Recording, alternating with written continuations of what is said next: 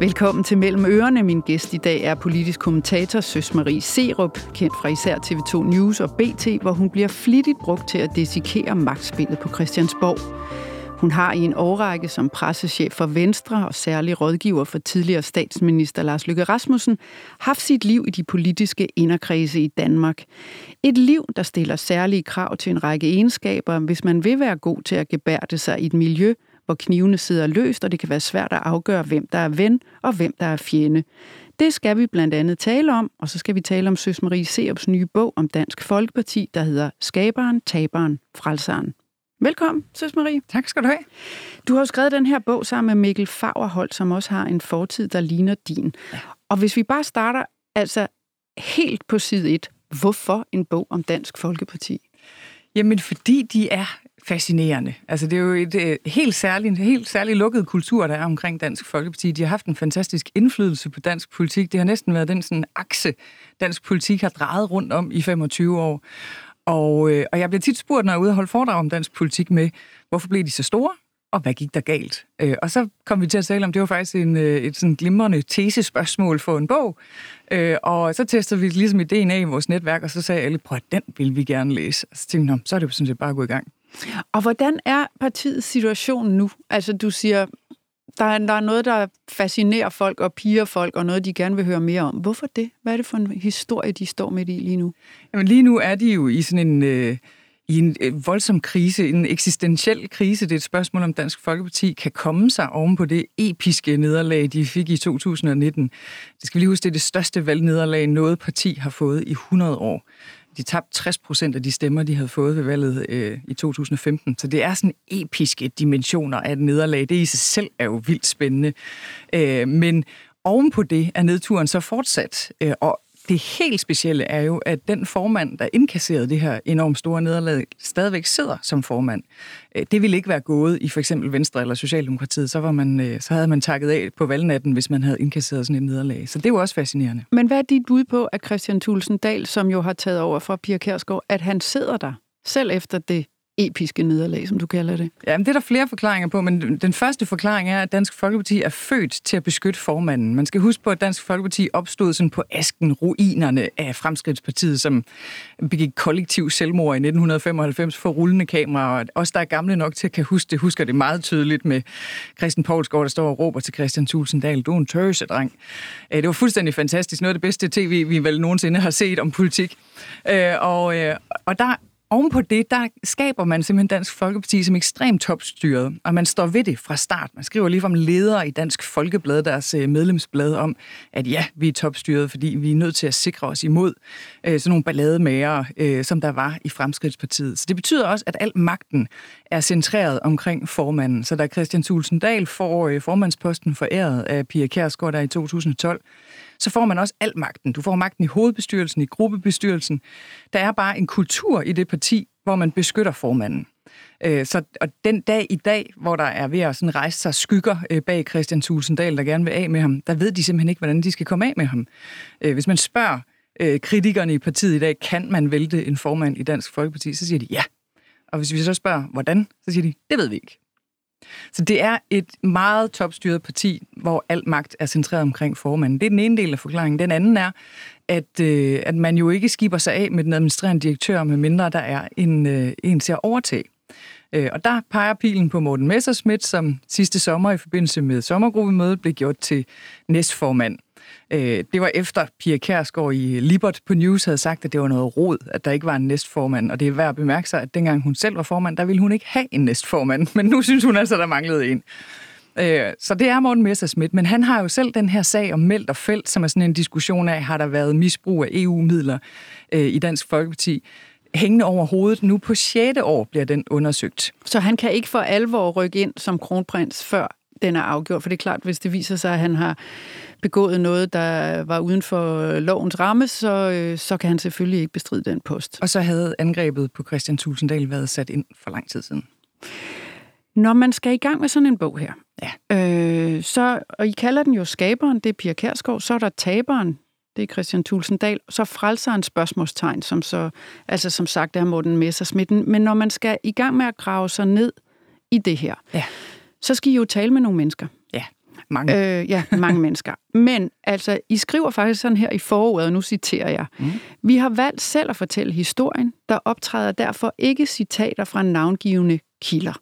Ja. Hvorfor ikke? Der er to grunde til det. Den ene er, at en fortælling simpelthen glider bedre, hvis der ikke hele tiden er sådan noget, siger den ene, siger den anden, siger den tredje. Øh, så det er simpelthen bare sådan noget fortælleteknisk. Så den er mere interessant at læse. Man kommer hurtigere igennem sådan en bog, hvis den er fortalt øh, bare af forfatterne. Men den anden, og selvfølgelig den væsentligste ting er, man kan ikke komme nok ind i de her historier, med mindre at folk kan få lov til at øh, fortælle historien anonymt. Fordi du kan simpelthen ikke få folk til, og slet ikke politikere, til at sige sandheden, hvis det er til citat. I hvert fald ikke den her brutale sandhed, som vi jo også, synes jeg, øh, lykkes med at få med i bogen. Men må man det? Altså, må man, altså jeg skal jo have en ekstrem tillid til jer, at det, I citerer anonyme kilder for, at det er rigtigt. Altså, I kunne jo godt stramme. I kan jo sådan set stramme lige så tosset I vil, for jeg kan ikke vide, hvem der har sagt det. Præcis. Det beror fuldstændig på, om du har tillid til os eller ej. Men jeg synes, noget af det vigtigste, der bliver skrevet om journalistik, eller så om politik i det hele taget, det er faktisk ting, der bliver skrevet med anonyme kilder. Øh, fordi det er historier, der ellers aldrig nogensinde ville blive fortalt. Vi kender det også med whistleblower-ordninger. Øh, og selvfølgelig skal man passe på, fordi noget af det mest spindmodtagelige, det er jo sådan nogle historier om, hvad der er sket inde i et lukket lokale, hvor mm. den, der bliver fortalt, det ikke har været med. Øh, og jeg kan jo huske det fra, da jeg selv var spindoktor. Men altså, lad os nu sige, at øh, Lars Løkke Rasmussen, dengang jeg var hans spindoktor, havde haft en samtale med Putin, som var gået helt forfærdeligt dårligt, så vil jeg jo ikke fortælle det. Så vil jeg måske tage den lille del af samtalen, som var gået godt, og så vil jeg fortælle det til baggrund til en journalist, som så vil skrive det som sådan en fluen på væggen historie. Så det er spindmodtageligt, så det kræver, at man har tillid til os som forfattere, fordi ellers så kan man selvfølgelig ikke tro på det. Men det kræver jo også, at I så har tillid til kilderne. Fordi som du siger, de kan jo vælge at holde hånden for det ene øje, når de fortæller, hvad der egentlig foregik, og kun fortælle det positive. Så hvordan kan I vide, om de mennesker, I taler med, og som refererer fra lukkede møder og meget personlige, private samtaler, at de ikke er i gang med at spinde jer på en eller anden måde? Men det er jo også en meget stor del af arbejdet, når man skriver sådan en bog her. Altså dels så er der jo den helt almindelige journalistiske tommelfingerregel om, at du skal have det bekræftet for to af hinanden uafhængige kilder, øh, for at du kan skrive det. Så der er jo mange detaljer, som vi ikke har kunne få med i bogen, som vi synes var vildt spændende, og som man sidder og kæmper for til det sidste at få bekræftet et andet sted, men hvor det ikke kunne lade sig gøre. Så piller man dem ud. Så alting er bekræftet af to af hinanden uafhængige kilder, men der er jo mange ting med i den her bog, som handler om møder, hvor der har været fire mennesker til stede, eller fem eller seks mennesker til stede. Øh, og vi ved jo også godt, at det er altså det er toppolitikere, så de har også deres egen udlægning af sandheden. Så der har jo været nogle passager, hvor vi har skulle lave motivfortolkning øh, og, øh, og sidde og kigge i, hvem har interesse i at fremlægge det på den her måde. Og der igen, der er læseren altså overladt til at have tillid til, at der har vi lavet den rigtige vurdering. Men jeg kan jo ikke garantere, at vi har gjort det hele vejen rundt. Altså, nu vi snakker om kilderne, og hvad man får at vide, og hvor man ting, ved ting fra, så skal vi lige høre et uh, klip fra Lydbogen, som er læst op af David Tras. Og jeg kunne tænke mig, at vi skulle snakke om de sidste to linjer, som kommer i uh, klippet her, der handler om forholdet mellem Pia Kærsgaard og Christian Thulsen Dahl. Forkert formand med forkert strategi. Den unge generation ser på Christian Thulsen Dahl med opgivenhed. De beskriver ham som en mand, der har siddet i Folketinget hele livet og altid gjort alting på den samme måde. De tror godt, han kan se, at den er gal, men de tror bare ikke, han er manden, der kan gøre tingene anderledes. Han kan simpelthen ikke omstille sig. Christian Thulsen Dahl fik magten foræret af Pia Kærsgaard. Derfor har han aldrig udviklet evnen til at skulle vende kritikere til venner. Efter valget i 2019 lovede Christian Thulesen Dahl alt for mange mere, end han kunne holde.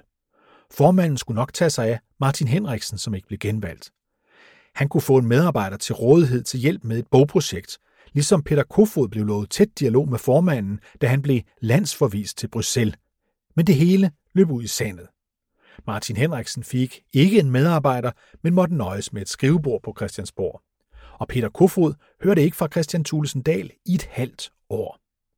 Samtidig har Christian Thulsen Dahl en konflikt med Pia Kærsgaard, som ikke giver mening for den unge generation. Den ældre generation kan godt se, at Pia Kærsgaard er til kommer til at stå i vejen for Christian Thulsen Dahl, mens det for de unge er åbenlyst, at han burde spørge hende til råds. Pia Kærsgaard fortjener i deres øjne at blive behandlet erbødigt og høfligt. Christian Thulsen Dahl ironiserer ofte over Pia Kærsgaard, når hun har sagt noget på gruppemødet. Citat start. Hvis bare vi alle sammen var så kloge som piger og vidste alt det, hun kan fortælle os på bagkant, lyder det så fra formanden. Og Peter Skorup står lasterbræst med Christian Thulesen Dahl. Det havde klædt dem at behandle hende ordentligt, siger de unge.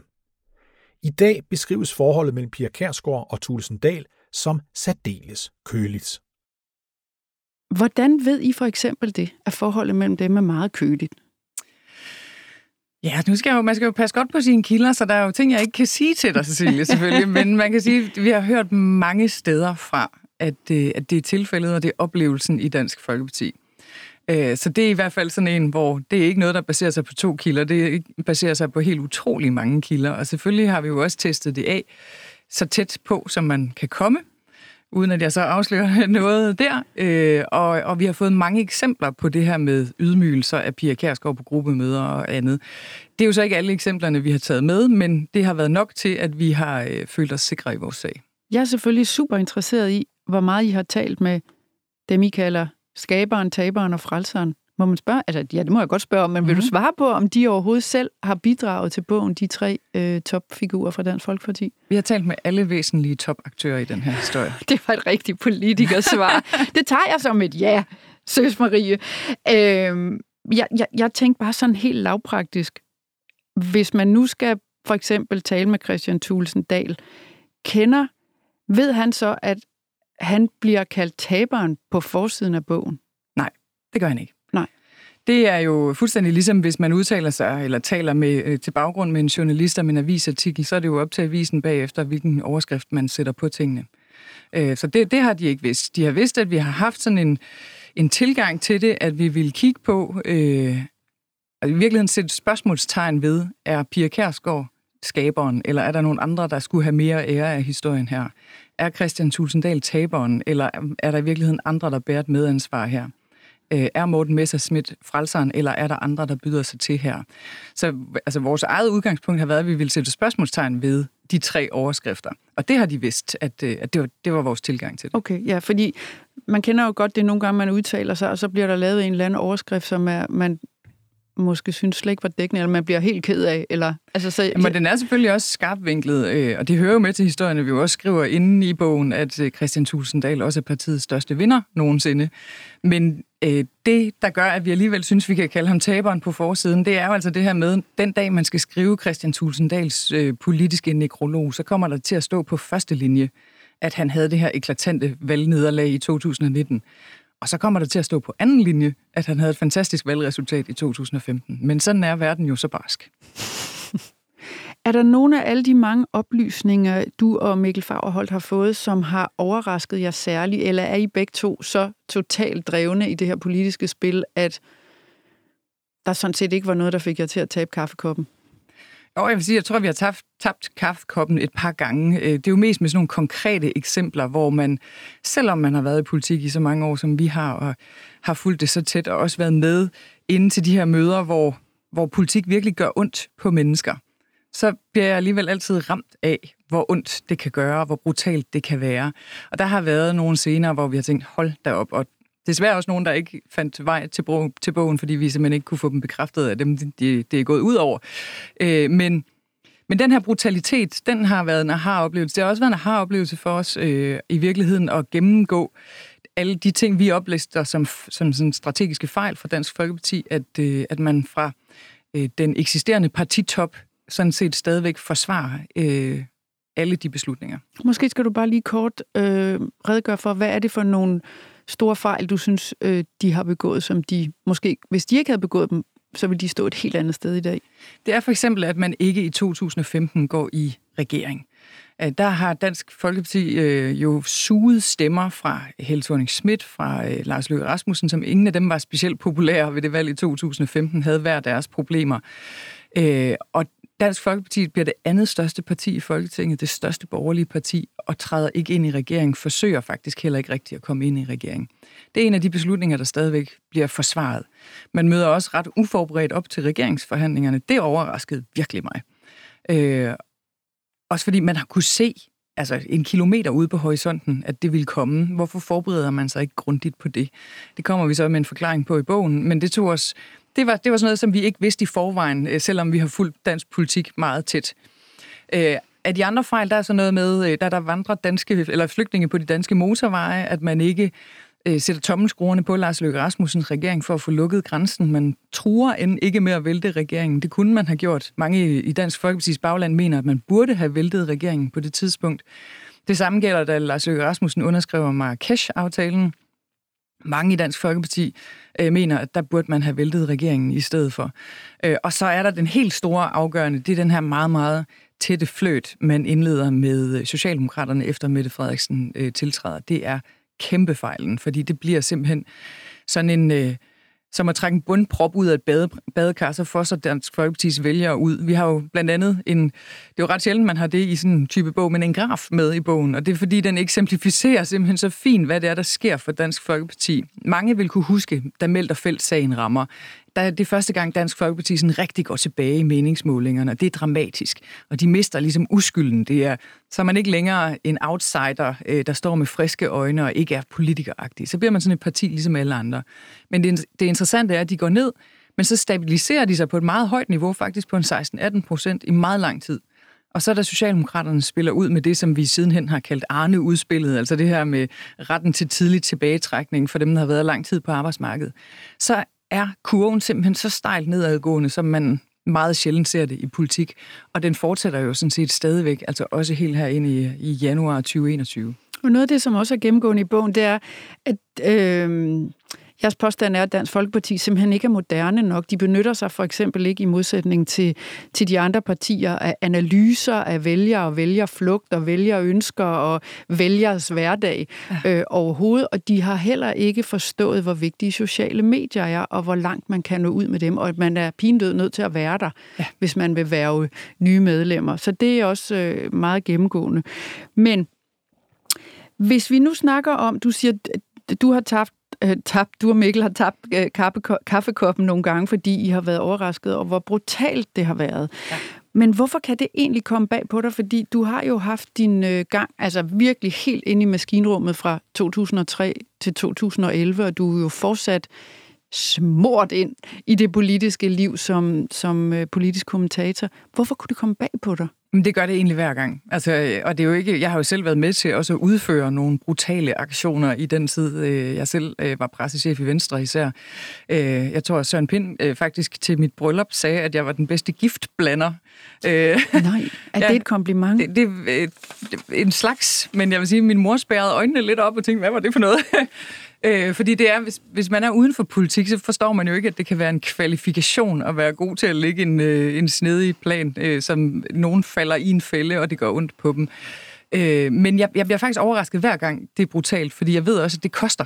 Altså, det koster for den, der udfører en brutal handling, og det er noget, man, nu kommer til at lyde sådan lidt højstemt, men man bærer det på sin sjæl øh, for evigt, øh, og det, det sætter sig som grå hår og rynker, og man slipper ikke ustraffet menneskeligt fra at gennemføre de her brutale aktioner.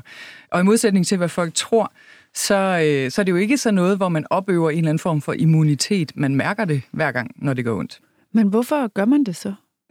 Jamen det er jo fordi, og det er måske svært for folk at forstå, når man ikke er inde i det, men det er jo krig. Altså det er jo, øh, når man er i det, når man lever i boblen, så er det øh, nærmest med livet om at gøre, og det er det jo faktisk praktisk talt også nogle gange. Man kan sige, om du vælger den ene eller den anden sundhedsløsning, det får rent faktisk effekt på, om folk overlever eller ej.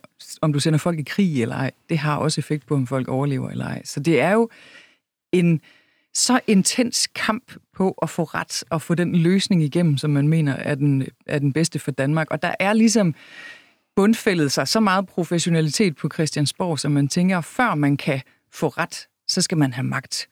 Øh, og det betyder, at hele forudsætningen for at kan sætte din løsning igennem, det er, at du evner magtspillet. Og hvorfor er du øh, i det hele taget tiltrukket af magtspillet og at komme ind i den der boble? Altså, yes, det, det var jeg sådan set heller ikke som udgangspunkt. Det var en fuldstændig tilfældighed, at jeg havnede på Christiansborg. Jeg har ikke nogen politisk fortid, eller fortid i en ungdomsorganisation, eller, eller noget i den retning.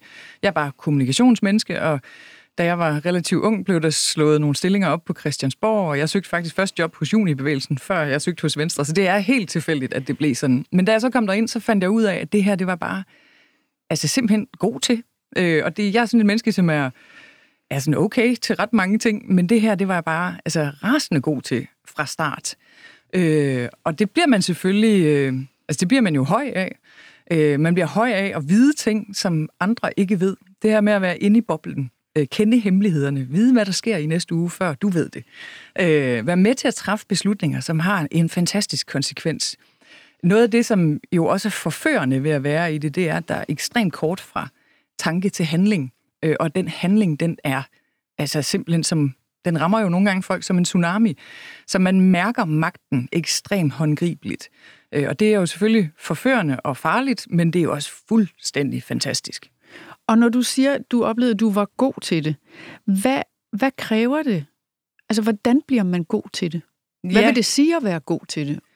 Jamen, noget af det er for eksempel at have den nødvendige brutalitet. Øh, altså, vi kan ikke overlade øh, magtudøvelse til folk, der, øh, der, der øh, bliver regnorme, øh, når det tæller. Altså noget af det, jeg oplevede... Sådan en som mig, jeg vil have det så meget. Ja, men det er den at der... nogen bliver sure. Altså det er godt at have tvivlens nådegave, men man skal også vide, hvornår man skal feje tvivlen til side, og så øh, stå igennem. Øh, noget af det, jeg oplevede fra start, som var sådan, hvor jeg kunne mærke, at der var noget andet ved mig end mange af de andre, det er for eksempel det der med, kan du tale til magt? Altså, når du møder et virkelig magtfuldt menneske, kan du så sige, det du er i gang med nu, det er forkert. Der har jeg simpelthen oplevet store, stærke mænd fuld af selvtillid, når de kom på tæppet, som det hedder på Christiansborg, altså når de stod foran statsministeren, så kunne de have stået et kvarter før ude på gangen og pustet sig op og haft øh, altså alt mulig kritik, og når de så stod på tæppet, så visnede de bare og kom til at ligne små drenge på seks år foran deres mor. Og der oplevede jeg bare, at jeg selv havde den der, jeg sagde det, jeg synes, der var det rigtige. Øh, og meget af det er baseret på fornemmelse, så det handler i virkeligheden også om, øh, hvad man er for et menneske. Hvad er, det, hvad er det, du har med i bagagen? Er du et empatisk menneske? Hvis du er det, så tror jeg, du har en fordel øh, i politik, men du skal så også forstå, hvornår du skal skubbe det til side. Ja, for man må jo heller ikke forstå de andre alt for meget, tænker jeg, hvis man skal sidde i det job, du har haft, fordi så, så har man jo for ondt af de sår, man tildeler dem, tænker jeg, ikke også? Ja, og det kan jo simpelthen ikke hjælpe noget. Så det er også, altså, altså, og så skal du også have den der akademiske tilgang til det. Du skal vide, at, at det, kan godt, det kan være godt at have en fornemmelse, men så skal du ud og efterprøve det i en fokusgruppe eller en meningsmåling, eller øh, altså du, du kan ikke reagere på fornemmelser. Du kan have en fornemmelse, så skal du sætte noget i gang for at undersøge, om den fornemmelse er rigtig, men du skal, du skal ikke tro, du skal vide. Øh, så det er sådan en kombination af både at være intuitiv og samtidig sådan databaseret i sin tilgang. Øh, og så, øh, så skal du både være empatisk, så du kan sætte dig ind i, hvorfor folk tænker, som de gør, men for eksempel også at vide, især i de her år, hvor så mange ting kører på sociale medier, skal du have en fornemmelse for, hvornår noget er passende, og hvornår noget er upassende. Så det for handler, eksempel, hvordan? Det handler også om, om en god opdragelse. Altså, hvornår skal du juble med håndboldherrene, når de har vundet VM? Hvornår skal du øh, øh, være bekymret? Øh, da tsunamien ramte Sydøstasien, der måtte Anders Fogh Rasmussen skrive en ny nytårstale. Der skal du vide, skal du holde fast i den nytårstale, der var, eller skal du skrive en ny? Øh, det kan være... Altså sådan set i bagspejlet er det altid nemt at se, hvad der var rigtigt, men i situationen kan det være afsindig svært. Og der kan man så sige, hvis man er den, der får den gode idé og har den sikre fornemmelse i svære situationer, så kommer man langt i politik. Og man kan sige, for mit eget vedkommende har det også været afgørende, at jeg øh, har taget de opgaver, ingen andre vil have. Hvad kunne det være for eksempel? Øh, jamen, jeg, jeg sad faktisk på vej herind og kom til at tænke på, hvad havde jeg egentlig af eksempler? Og en af de gode er, jeg kan huske en gang, Ulla Tørnes som minister var i voldsom modvind. Øh, det var i de tidlige dage med spindoktor. Hun havde sin egen spindoktor, så alle regnede med, at det måtte hun jo selv finde ud af over i det der ministerie. Og der havde jeg ikke været ansat i Venstre særlig længe. Men kommer så ind en aften og siger, skal vi ikke prøve at ringe og spørge, om der er noget, vi kan hjælpe med? Og det var for eksempel en ny tilgang. Det var, det var simpelthen ikke faldet nogen ind, at man kunne ringe også fra partiet og spørge, skal vi ikke hjælpe dig? Øh, og hun kom så over med det samme, og, øh, og i stedet for, at vi røg ud i sådan en lang omgang, undskyld udtrykket, forklar mig røv, så zoomede vi bare ind på det egentlige spørgsmål, folk skulle have besvaret. Og tit så er det jo noget af det, man kan som spindoktor, det er at finde ud af, i stedet for de spørgsmål, journalisterne spørger, hvad er det så for et spørgsmål, der sidder ude hos folk? Fordi det er det, man skal svare på. Øh, og der, øh, Øh, fandt vi så den helt rigtige sætning, og jeg fuldtes med hende til Godmorgen Danmark og Godaften Danmark, og vi fik øh, kommunikeret det her i løbet af et døgn. Og der kan jeg huske, at jeg kom ind i pressetjenesten næste dag, og der var sådan en forside på Ekstrabladet med et billede af Ulla Tørnes og så mig i baggrunden. Og der øh, var reaktionen fra de andre så, det er godt nok ikke karrierefremmende søs at gå ved siden af Dead Woman Walking. Men det var det jo lige præcis, fordi at jeg gik ind og hjalp, og hun klarede det. Og i løbet af et døgn var den der sag håndteret. Så det er, det er sådan et eksempel. Måske skal du bare lige refresh the memories. Hvad var det for en sag, det var, du, det var der en... blev reddet med, en, med ja, den rigtige sætning? Jamen, det var en sag om øh, nogle, så vidt jeg husker, ukrainske medarbejdere på hendes mands gård. Øh, og der sender vi hende så ud og siger, jeg har intet med min mands virksomhed at gøre. Så den ene sætning lukkede ligesom diskussionen. Var det så rigtigt? Ja, altså det var faktuelt rigtigt. Øh, men der var selvfølgelig mange, der argumenterede imod det, fordi at man også sad hjemme og spiste øh, aftensmad omkring det samme køkkenbord, også med, så vidt jeg husker, de her medarbejdere. Ja. Øh, der er altid grader af sandhed, øh, og det er også, øh, det er også øh, det er jo en del af spindoktorens redskaber, det er at zoome ind på den del af sandheden, som er den mest favorable. Men man holder sig altid til sandheden. Men de menneskelige egenskaber, du skal være udstyret med for overhovedet at dels øh, kunne holde ud og være i det her, og være dygtig til det, og ikke få mavesår og, og blive øh, bange, eller altså, øhm, hvad, hvad kræver det? Altså kræver det helt vildt meget ro i maven, eller kræver, altså hvis du skulle pege på, hvad det er for nogle egenskaber, du har, som har givet dig den karriere i det politiske Danmark, som du har, hvad, hvad er det så? Altså, noget af det er jo simpelthen selvtillid, at man mener, øh, eller man kan jo sige jeg, jeg mener, at jeg har ret, øh, ret tit, øh, og det vil jeg godt vedkende mig, det gør jeg. Gud, det må være fantastisk faktisk at have det sådan, tænker jeg. Ja, jeg vil sige, jo ældre jeg bliver, jo mere i tvivl bliver jeg, sådan er det nok for de fleste mennesker, men nu var jeg i slutningen af 20'erne, da jeg kom på Christiansborg, øh, og der var jeg helt sikker på, at jeg havde noget at sige, som folk der burde høre. Det er jo en del af det. Ja. Øh, så kan jeg huske, at jeg tænkte meget over, at øh, Anders Fogh Rasmussen, som var statsminister dengang, at, at han simpelthen mindede om min far. Øh, sådan en lidt øh, øh, perfektionistisk, øh, lidt firkantet, lidt irriterende god til alting type. Øh, og jeg tænkte, ham ville jeg jo aldrig være bange for at sige noget til. Så jeg tænkte bare, at jeg skulle tale til ham, som jeg talte til min far. Øh, så det var sådan en ting. Så tror jeg, der er noget med det her med at være søs fra Kalhave. Øh, Kalhave er en lille bitte landsby midt i Vejle og Horsens, hvor jeg voksede op. Øhm, det sidder bare i mig, at jeg er søs for Kalhave. Altså, at jeg er sådan en... Det kan godt være, at jeg har fået en universitetsuddannelse og øh, har begået mig øh, på de bonede gulve og sådan noget, men jeg vil altid være søs for Kalhave. Jeg tror og hvad bare, betyder det at være søs for Kalhave? Det tror jeg bare, at, øh, at jeg er sådan meget grounded i et helt almindeligt liv. Øh, og det er også et liv, jeg har kæmpet for at holde fast i, jo mere... Øh, magt. Og man kan sige, jo mere sådan ind i eliten jeg er kommet, så har jeg kæmpet mere og mere for at holde fast i og blive ved med at være den. For eksempel gør jeg en dyd ud af at tage i netto iført træsko og uden makeup og sådan noget, fordi jeg, jeg vil ikke blive sådan en, der går op i, om jeg har sat håret og har fået makeup og noget pænt tøj på, inden jeg går ud i verden. Så det er jo også et, et valg, man tager, øh, om hvad man vil være for et menneske. Og det, jeg har i hvert fald kæmpet hårdt for at holde fast i det, og i den sidste del af de år, jeg var på Christiansborg, der indrømmer jeg gerne, der skred det for mig. Øh, så der var sådan en, en genopdragelse af mig selv, da jeg kom ud på den anden side. Hvad vil, hvad, hvad vil det sige, det skred for dig? Hvordan kunne man se det, hvis jeg var en flue på væggen i dit liv? Hvordan så det så ud? Øh, for eksempel, når man begynder at tale mere, end man lytter.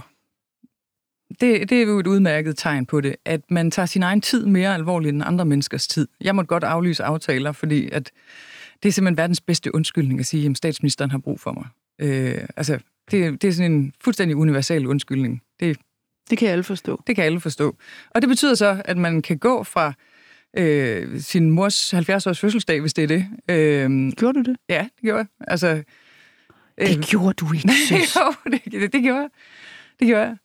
Øh, og jeg har gået for mange ting. Altså, øh, fordi det, det trak i mig, og jeg følte ikke, verden stod, hvis ikke jeg var der. Øh, og det var vigtigt, det jeg lavede. Øh, så det kan man sige, jeg mistede tålmodigheden med at lytte til andre mennesker. Jeg kunne ikke stå i en kø, fordi jeg var vant til at gå udenom køerne. Min mand, han havde at rejse med mig lige i årene, efter jeg var stoppet i politik, fordi det der med at stå i en kø i lufthavnen sammen med mig, det var et mareridt. Øh, jeg kan huske, at jeg kom på posthuset, efter jeg var stoppet, og, og øh, kunne ikke forstå, at jeg simpelthen ikke kunne få frimærket til at hænge fast på kuverten. Det er så fordi, i, i den tid, hvor andre folk har sendt breve for mig, der er det så gået fra, at man skulle slikke på frimærket, til at man skal øh, pille sådan dims af, fordi nu er det blevet et klistermærke. Det, der stod det er jeg faktisk så en meget god... Og slikket øh, på et frimærke, der var der var et klistermærke. Ja. Men det der med, når du siger, at du skulle på genopdragelse af dig selv, havde du selv blik for det, eller var der så nogle gode spindoktorer omkring dig i dit eget liv, som sagde, søs, det er simpelthen stukket af for dig, nu stod de på tæppet foran dig? Ja, altså der er, der er jeg godt gift, må man sige. Øh, og jeg synes egentlig, at min mand har holdt godt fat i mig, også over årene. Jeg kan huske øh, en, jeg tror, jeg har været i Finansministeriet dengang, hvor vi skulle ud og gå en tur en søndag, hvor han så skældte mig helt vildt ud og sagde, du kan altså godt gå en tur i to timer, uden at skal have mobiltelefonen med. Øh, så for eksempel bare sådan noget med at få indlagt nogle rytmer med, man ikke behøver at gå rundt med den mobiltelefon i hånden hele døgnet. Det hjalp undervejs, og det var også ham, der bagefter øh, ligesom både fik mig op at stå igen, fordi det var et enormt tab for mig, da jeg sagde op. Øh, fordi det havde jo ændret sig fra, at mit fag var engelsk, som jeg havde læst på universitetet, eller medievidenskab, som jeg havde læst på universitetet, til at mit fag var blevet politik. Øh, og hele vores omgangskreds var politikere og folk, der øh, ligesom havde noget med politik at gøre. Øh, og da jeg så kommer hjem og har sagt op øh, den aften, jeg gjorde det, så sidder jeg på køkkenbordet og græder og græder og græder, fordi jeg vidste bare på en eller anden måde, at det var, det var, et, det var et helt liv, øh, jeg havde lukket ned, og jeg vidste, det var rigtigt. Og det var en enorm lettelse. Ja, for det må jeg bare lige indskyde. Ja. Hvorfor sagde du så op? Jamen fordi, øh, at jeg simpelthen var... Øh, altså Lykke og jeg var virkelig træt af hinanden til sidst. Og øh, sled helt vildt hårdt på hinanden, fordi vi begge to er sådan nogen, der siger præcis det, vi mener. Og vi var meget uenige om, hvor øh, Venstre burde bevæge sig hen strategisk på det tidspunkt.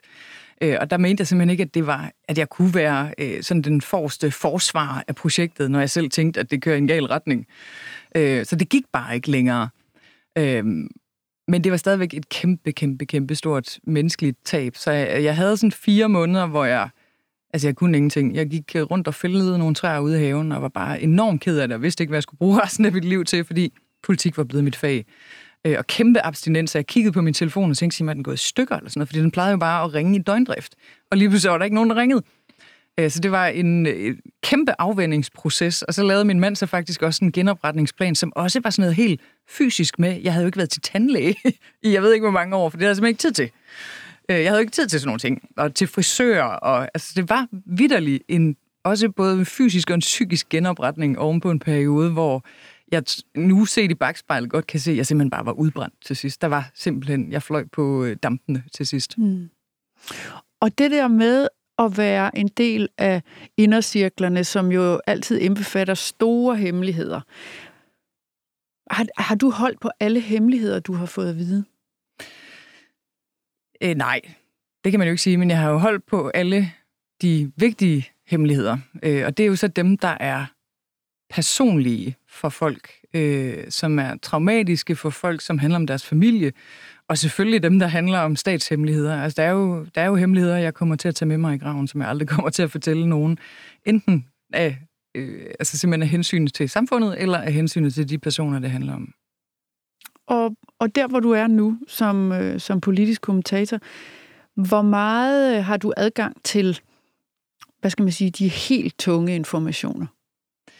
Jo ikke i nær samme grad, som, som jeg havde tidligere, men, øh, men stadigvæk i, i et ret væsentligt omfang. Øh, så der er jo stadigvæk mange ting, man ved, som offentligheden ikke ved. Og det her med at skulle... Nu er du jo så øh, politisk kommentator på TV2 News og BT især. Der, der forventer vi jo af dig, at du er sådan rimelig objektiv. Ja. Øh, det skal du være i forhold til os, der læser dig og ser dig. Og det skal du være i forhold til dine kilder. Hvad er det for en, nogle manøvrer, du skal ud i der? For jeg synes noget af det, du er meget dygtig til, det er, du er skarp, og du er klar i mailet, men samtidig formår du også, tænker jeg i hvert fald, ikke at gøre nogen sure. Eller altså, hvad er det for nogle overvejelser, du har om, hvor du skal placere dig for at være den bedst mulige kommentator og stadigvæk have adgang til kilder, som du måske også nogle gange skal sige noget grimt om? Ja, altså, så kan man sige, der er jeg heldig i og med, at jeg for eksempel ikke er politisk redaktør på en stor avis, fordi så så er man med i kampen om at få en slice, altså få en bid af kagen, før noget bliver offentliggjort fra regeringen.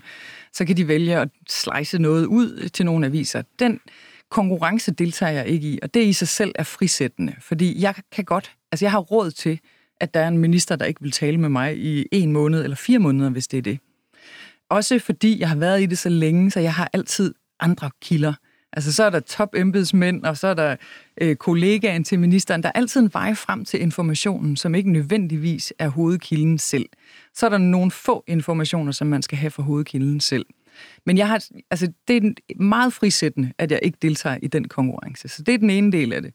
Den anden del af det er, at jeg simpelthen har sådan nogle tomfingerregler, jeg styrer efter. Jeg skal have Øh, den, altså, jeg skal uddele håndmadder til alle. Det er bare reglen. Okay, og, og, og inden for hvilken kadence? altså, hvad er, tur, hvad er turnus i, at du slår på folk? Jamen, det er, det er jo det, der er aktuelt. Ja. Øh, men der skal også være en rimelighed i det, for jeg synes heller ikke, man skal hoppe på hovedet af folk, der ligger ned. Og så synes jeg, man skal anstrenge sig for ikke at blive sådan overdommer i, hvem der er gode og dårlige mennesker, og hvem der er gode og dårlige vælgere. Øh, så der prøver jeg virkelig at sætte mig ind i, hvad det er, der driver folk. Og for eksempel, altså, jeg har ikke noget mod at indrømme, at da Stram Kurs for eksempel blev opstillingsparate, der blev jeg personligt overrasket og tænkte, hvem er det, der har skrevet under på de øh, knap 20.000 vælgererklæringer? Øh, og så skriver jeg ud på Facebook eller Twitter, er, er I søde og henvende jer, hvis, I, hvis det er nogen af jer, fordi jeg, jeg forstår det simpelthen ikke.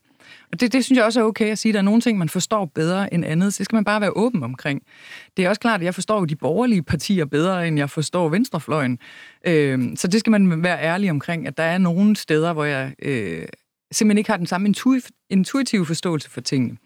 Øh, men men der var mange mennesker, der skrev til mig dengang øh, med stram kurs og forklarede det, og så tænkte jeg, okay, det kunne jeg så alligevel godt forstå, da de forklarede det. Altså, det bruger jeg egentlig tit, øh, at få spurgt rigtige mennesker om, om sådan nogle ting, og, øh, og jeg falder i stak med folk over alt. Mm. Øh, jeg kender for eksempel en familie, hvor øh, konen i huset stemmer på Alternativet, og manden på Nye Borgerlige, og det synes jeg er super fascinerende, hvordan de kan være gift. Så spørger jeg helt vildt ind til det. Så jeg er ligesom kommet tilbage til at være nysgerrig på, hvad der driver andre mennesker i deres partivalg.